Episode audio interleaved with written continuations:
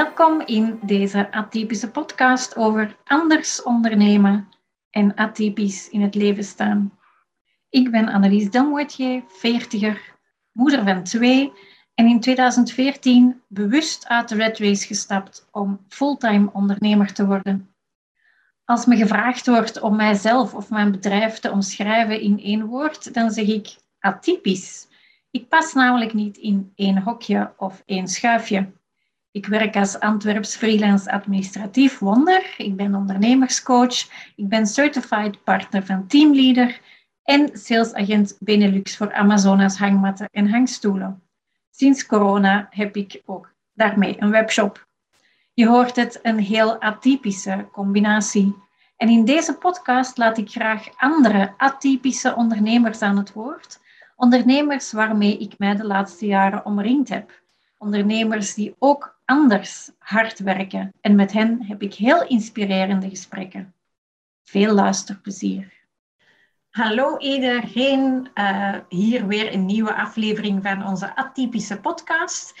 En vandaag hebben we weer een primeur, want uh, Veerle is genomineerd, maar niet zomaar genomineerd, tweemaal genomineerd. Zowel door Patricia als door Erika. Um, en ik kende Veerle niet, dus Veerle, stel jezelf eventjes voor. Um, ik ben dus Veerle Verhulst. Ik ben afkomstig uit Groningen.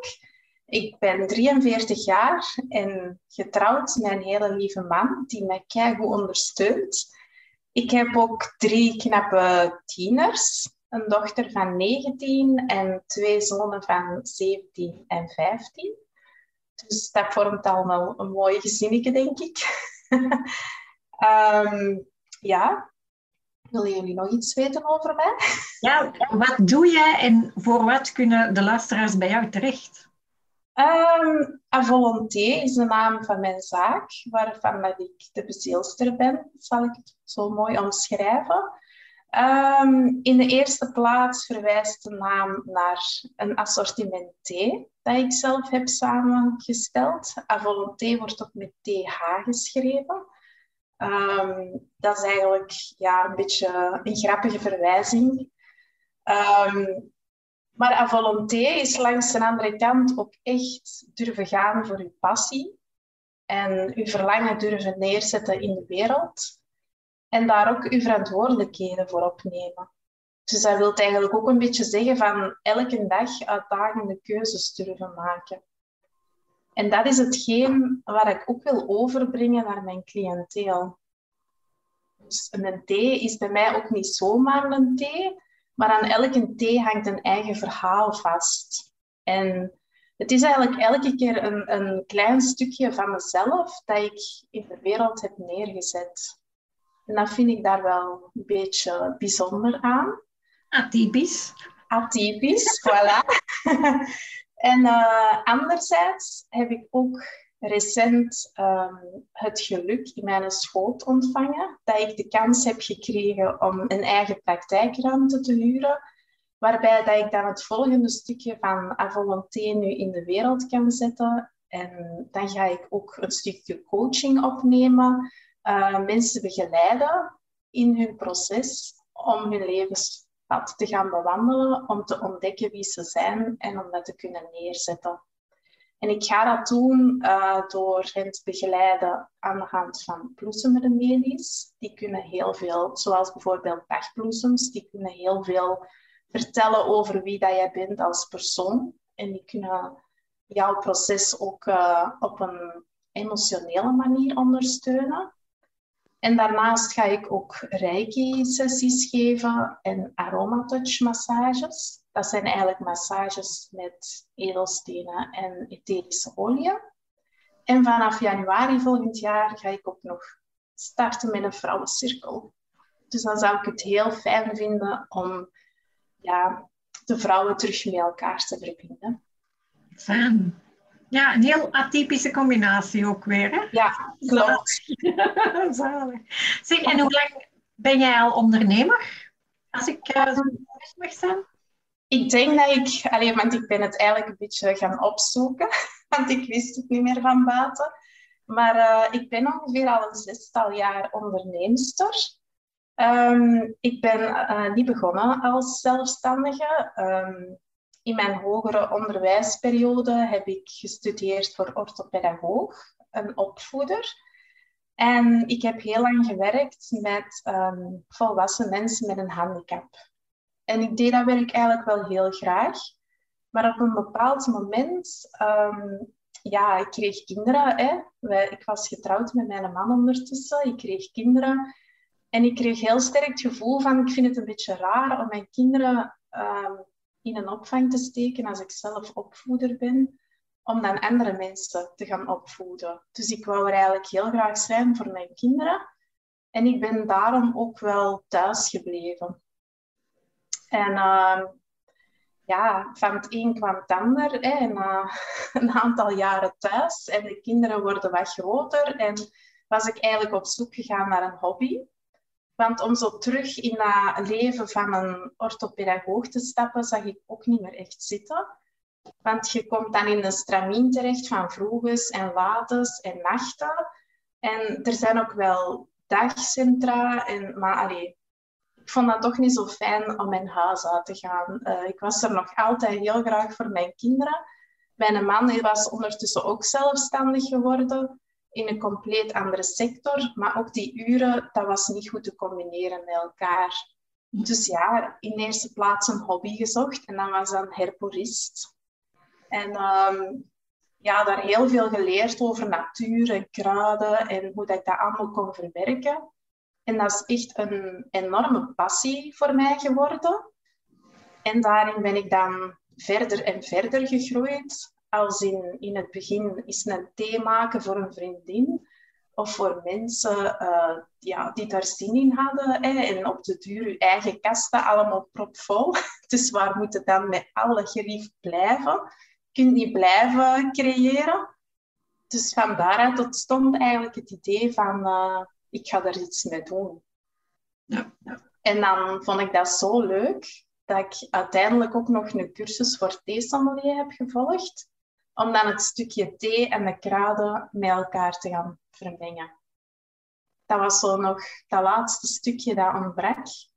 En ja, van daaruit kwam het ene na het andere, ook spirituele opleidingen, ook meer opleidingen voor massages, voor mij aromatherapie en ja, van ja, de duur geraakte zo ver dat ja, dat je alleen... hobby. Wat heeft? Uit de hand gelopen hobby. Ja, ja, dan wordt het een jobby, hè? ja, fijn gewoon. Ja, fijn. ja absoluut. Zeg, en, en, wat is er zo typisch aan een theesommelier of, of uh, een theehuis? Of, of, en wat is er dan atypisch aan à volonté? Um, zo aan het thee is ja, natuurlijk uiteraard typisch dat wij allemaal heel erg met smaken en aroma's bezig zijn. Hè? Um, en met dat te combineren ook. En ook om uw smaken en aroma's op de meest beste manier uit die thee of uit die kruiden te kunnen uithalen.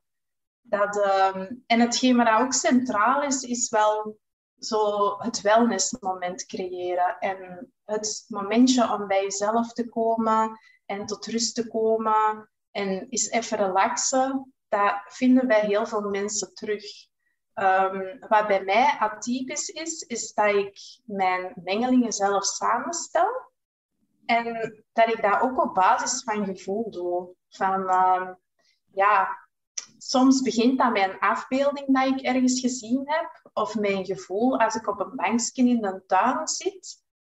En het is dat dat ik graag wil verwoorden in een theemengeling of in een kruidenmengeling. En dat is toch wel vrij speciaal vind ik. Dat heb ik nog niet bij iedereen teruggevonden. Om eigenlijk emoties of dingen dat je beleeft of herinneringen, om dat om te zetten in een theeverhaal. Ja, ik heb even zo, wauw. Dankjewel. ja. Ja, wauw, echt ongelooflijk. Ja. Zeg, wat was jouw aha-moment dan, dat je zo binnenkreeg van damn, ik ben eigenlijk wel keihard bezig. Deze is het. Mijn aha-moment was eigenlijk in de eerste instantie dat mijn assortiment aanvaard werd. En dat dat ook geliked werd eigenlijk. Al ja, en best wel gesmaakt door mijn klanten. En de mooiste beloning daarin vond ik dat er ook kleine handelszaken in mijn buurt en lokale handelaars, dat die nu ook mijn thees verkopen. Ik ben dan ook een eigen website, um, ik heb dan een eigen website ontworpen. En dat was voor mij echt het moment van, oké, yes, nu heb ik mezelf eigenlijk een beetje op de kaart gezet. Dat vond ik heel plezant. En ook een beetje met de naamsverandering naar Avolonté. Want vroeger was ik zelfstandig onder een andere naam, Kruidigheidjes. En dat paste niet meer langer bij mij. En Avolonté was eigenlijk de verzamelnaam voor al hetgeen waarvoor ik sta. En voor die zoektocht naar mezelf. Van hoe wil ik in het leven staan en hoe wil ik mijn bedrijf gaan runnen? En hoe wil ik dat dat zich allemaal gaat weerspiegelen naar een buitenwereld toe? En de verandering van naam naar volonté was voor mij de stap van kijk, dit ben ik. En ja, daar mag je het mee doen. Zo van, uh, ja, hoe meer dat ik mezelf werd, hoe meer dat, dat zich ook ging weerspiegelen in mijn assortiment. En dat was voor mij echt zo'n aha-moment waar ik kei trots op was. Want dat was een stukje van mezelf dat ik in de wereld heb gezet. En ik vond dat een enorme, um, een enorm moment van kracht, van creatiekracht. Van, dat is iets wat dat blijft. Want mensen beginnen dat te kennen en te voelen van, ah ja, dat is Veerle. Ja. En dat is een stukje, ja, een boodschap van mij eigenlijk, dat in de wereld is gekomen. En dat vond ik wel heel bijzonder. Ja. En zijn je daar dan het meest fier op of, of trots over? Over, over de, als alles... Ja, eigenlijk toch wel. En langs de andere kant ook op heel dat proces, heel die weg dat ik naar binnen heb gemaakt. En ja, ook op de persoon die dat ik geworden ben. Want als ik mezelf nu zie en tien jaar terug, dat is een gigantisch verschil. En ja, het feit ook van, kom, ik, ik kom elke dag terug, ik sta er terug. En ik pak elke dag terug de keuzes om voor mezelf en voor mijn zaak te kiezen. En ja, we doen het toch allemaal maar. Dat vind ik wel, ja, vind ik een ongelooflijk moment om te kunnen neerzetten. Ja. Even een, een compleet andere vraag. De downsides van het ondernemerschap. Tot nu toe wat was jouw grootste fuck-up, jouw meest negatieve ervaringen en wat heb je daaruit geleerd? De meest uh, negatieve ervaringen vond ik eigenlijk zelf van mezelf laten meeslepen in ideeën van andere ondernemers en in ideeën van andere, uh, van de buitenwereld, van hoe dat zij zien dat ik mijn werk zou moeten doen. Want dat en dat, dat hoort toch wel typisch bij dat beroep. Hè? Zo met terug in dat vakje van dat typische ja. laten duwen.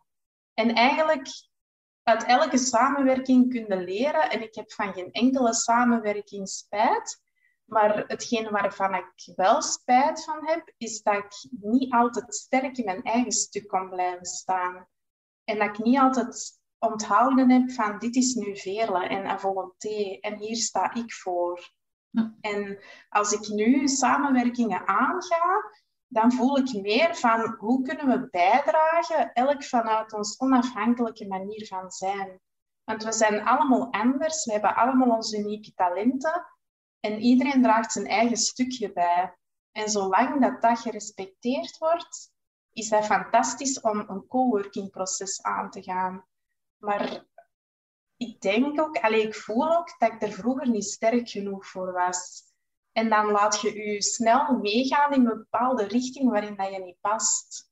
Ja, en dat voelt dan soms wel eens als tijdverlies. En ja, dat, dat zijn dan eigenlijk de fuck-ups.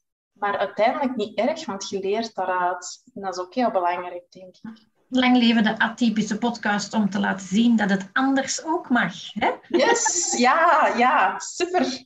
En kei belangrijk werk dat jij hier aan het doen bent. en uiteindelijk creëert dat ook nog eens een verbinding hè, met elkaar, met al die atypische ondernemers hè, en ondernemers. Ja, dat wij elkaar precies allemaal aantrekken. Dat, uh, ja, ja. komt allemaal uh, op elkaar en op elkaar pad. En, en eigenlijk komen daar dan de, de mooiste win-win-wins uit, denk ik. Ja, ja, dat voel ik ook wel. Ja. Mhm, absoluut. Weer een compleet ander vraagje. Als je nu zelfs naar buiten zou gaan, de zon schijnt nog, uh, en je komt je eigen 18-jarige zelf tegen, wat zou je dan aan jezelf willen meegeven over het leven of, of specifiek het ondernemerschap? Ik zou mijzelf eigenlijk willen vertellen dat het echt oké is en helemaal oké om uit je comfortzone te komen. Je hoeft jezelf niet te verstoppen. Want ja, de dingen die je hebt, de, de kracht, de talenten dat je hebt, zijn echt wel de moeite waard om neer te zetten. En ik heb me daar heel lang achter verstopt en bepaalde dingen niet durven beslissen, omdat ik dacht van, wow, dat is hier veel te, veel te lastig of te moeilijk, of ik ga dat niet kunnen. Ik, zo het gevoel van, ik durf niet springen. En nu, het laatste jaar, heb ik dat wel gedaan. Wel uit mijn comfortzone gekomen en wel durven springen en wel durven gaan voor mijn verhaal. En ik denk dat dat van mij een veel gelukkigere mens gemaakt heeft. Dus dat zou ik wel heel graag willen vertellen aan mezelf. En ook het feit van op je gevoel handelen is oké. Want ik heb heel lang als... Ik ben zelf hoogsensitief en ik heb heel lang gevoeld als hoogsensitieve ondernemer dat het heel kwetsbaar was en fragiel om dat stukje van jezelf in de wereld neer te zetten. Uit eigenlijk een beetje angst voor afwijzing ook. Van wat gaat de anderen van mij vinden als ik mijn stuk naar buiten breng? Een beetje bang om te laten zien wie dat je bent, omdat dat net zo gevoelig is. En wij zijn allemaal grootgebracht in een wereld waarin dat het mentale en het fysieke stuk zo belangrijk is. Terwijl dat het gevoelige en de spirituele kant, er is weinig aandacht voor. Of het is al snel zweverig. En dat, dat hoeft nu voor mij ook niet. Maar ik vind het wel bijzonder interessant om op dat stuk van mij te gaan neerzetten juist die gevoeligheid, dat, dat is onze GPS, dat is ons innerlijk kompas. En ja, dat is heel erg de moeite waard om dat te durven volgen. En dat zou ik toen niet gedurven hebben. Uh, sinds een paar jaar nog maar dat ik hooggevoelig ben, want ik heb altijd gezegd dat heeft een generatie overgeslagen. Uh, Ja, heel raar. Ik zag dat bij mijn zoon en ik zag dat bij mijn mama, maar bij mijzelf zag ik dat niet. Maar waarschijnlijk effectief omdat ik dat aan het eh, afblokken was. Of, of mhm. wel dat ik het... Ik, en ik zette het wel in, als ik daar nu achteraf op terugkijk. Omdat mhm. ik heel veel oppikte van mijn uh, collega's. En mijn team draaide supergoed. Juist omdat ik dat allemaal oppikte. En omdat ik bij iedereen op de juiste knopjes kon duwen. Om ja. hetzelfde resultaat te bekomen. Of, of het, het snelst of het meest efficiënt resultaat te bekomen. Dus, dus dat was um, met de aflevering van Cathy Spaas, ik denk dat die vorige week live gezet geweest is, um, ook, ja, die zei van ons brein werkt ook gewoon anders. Ja, inderdaad. Ik had daar nooit niet bij stilgestaan, maar effectief, dat is ja, een, een extra plus dat wij kunnen inzetten. Hè? Absoluut. En vroeger zag je dat eerder als een zwakte, terwijl dat je dat nu echt als een kracht gaat zien. Ja. Want het is ook dat stukje dat ons misschien wel wat atypisch maakt en dat ons daarmee ook bijzonder maakt om dingen heel fijngevoelig te kunnen gaan inschatten. En dat is voor mijn werk ja, een topkwaliteit. Zeker zo in combinatie met die aroma's en die smaken. Dat, ja, dat komt op een andere manier samen dan. Ja, ik riek heel goed en ik smaak ook heel... Allee, dus ik, heb heel weinig kruiden nodig extra als ik aan het koken ben. Uh, En vroeger als kind, als ons moeke riep van komen eten, dan zei ik op de trap wat dat we gingen eten. Dus ik ook, terwijl ik naar beneden aan het gaan was, wat dat we aten. En als we dan aan het eten waren, dan zei ik welke kruiden dat ze er toegevoegd had. En ik, soms had ik eentje of twee dat ik, dat ik niet proefde, maar de rest had ik allemaal dus, uh, En daar toch niet bij stilgestaan dat ik hoogsensitief was. Hè? Dus, uh... Dan zou jij mijn ideale collega zijn eigenlijk. Jij dat er zo kunt uithalen allemaal. Ik ben alleen nog aan het leren thee drinken, want ik ben echt een, uh, een koffie En thee was voor mij zoiets als, ehm, ja, als je thee drinkt, als je ziek bent. Ja, voor veel mensen. Ja. Ik ben ja. nu aan het leren van in de plaats van s'avonds deca te drinken, ehm, ga ik gewoon een, een, een tasje thee maken. Maar ik ben zo nog echt op zoek naar een smaak die dat mij echt ligt. Dus ik zal misschien een keer op zoek moeten komen. Ik stel met plezier een uh, proefassortimentje samen. Het verschil is vaak ook wel, ik probeer echt met heel pure materialen te werken. En echt heel pure ingrediënten. En als ik aromatiseer, doe ik dat met essentiële olie. Dus zonder echt al die kunstmatige smaakjes, want je gaat bij mij ook geen kokos vinden of geen echt heel fruitige dingen, um, omdat dat ook niet echt bij mijn natuur past. Ik probeer zo eenvoudig en zo puur mogelijk alles samen te stellen. En dat geeft toch wel een andere theebeleving dan als je gewoon het klassieke beltje of de klassieke losse theemengeling hebt. Dat, uh... Ja, ik pak ze beetje met een agenda. Heel goed.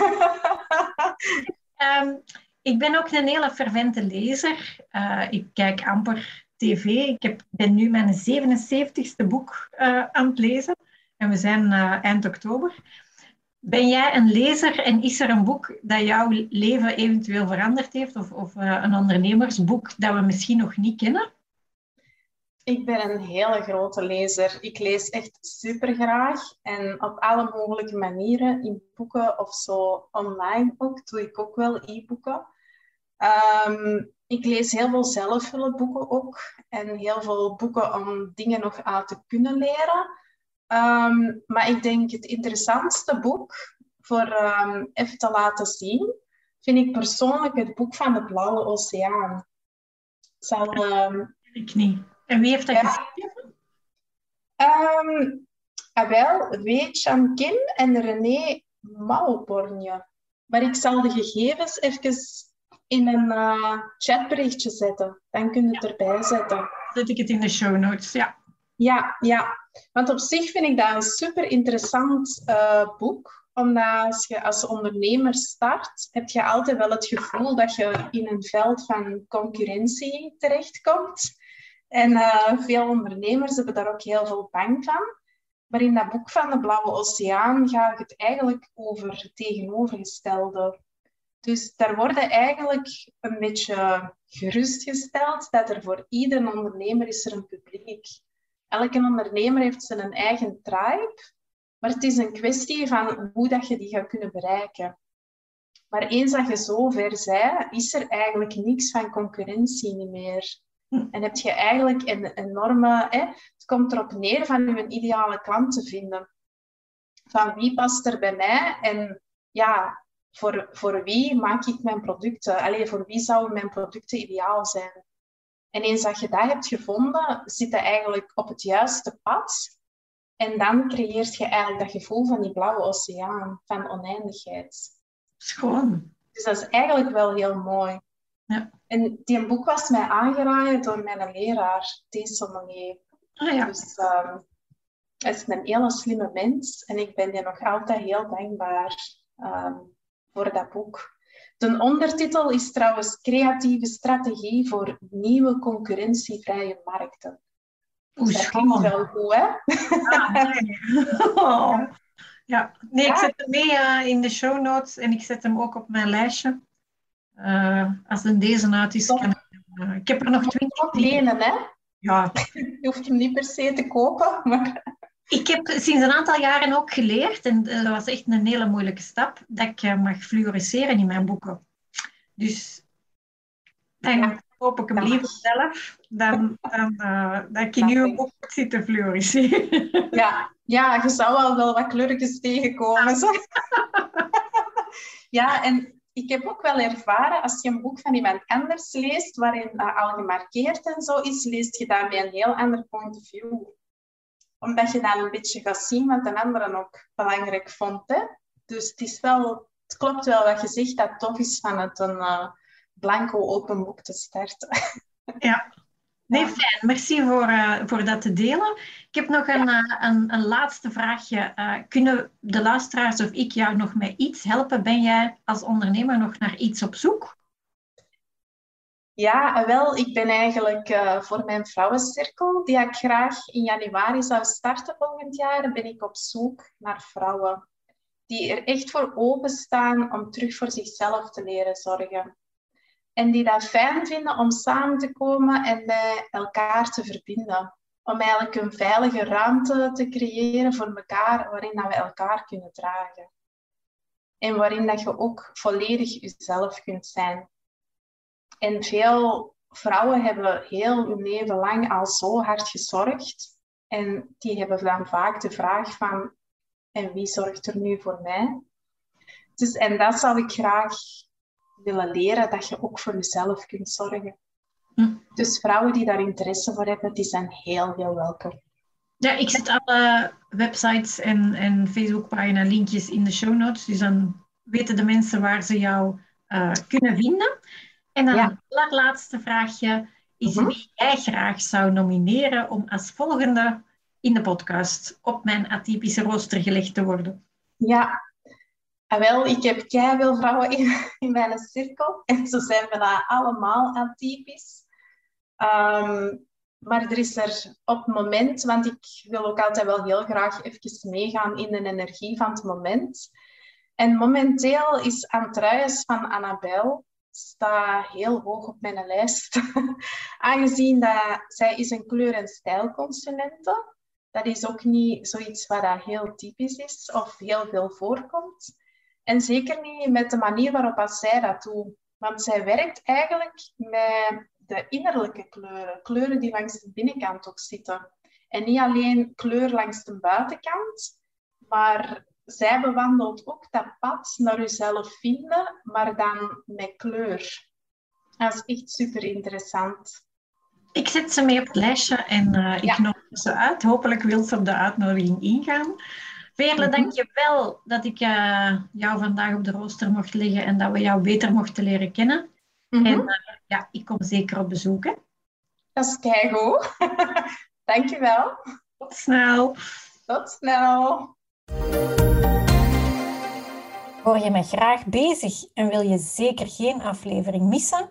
Volg me dan zeker op Spotify of abonneer je via iTunes en laat eventueel een review na. Want hoe meer atypische zielen in het ondernemerswereldje, hoe liever volgens mij. Heb je liever ook beeld bij deze klank? Abonneer je dan op mijn playlist op uh, YouTube. En ik kijk alvast uit naar de volgende aflevering en hopelijk jullie ook. Tada!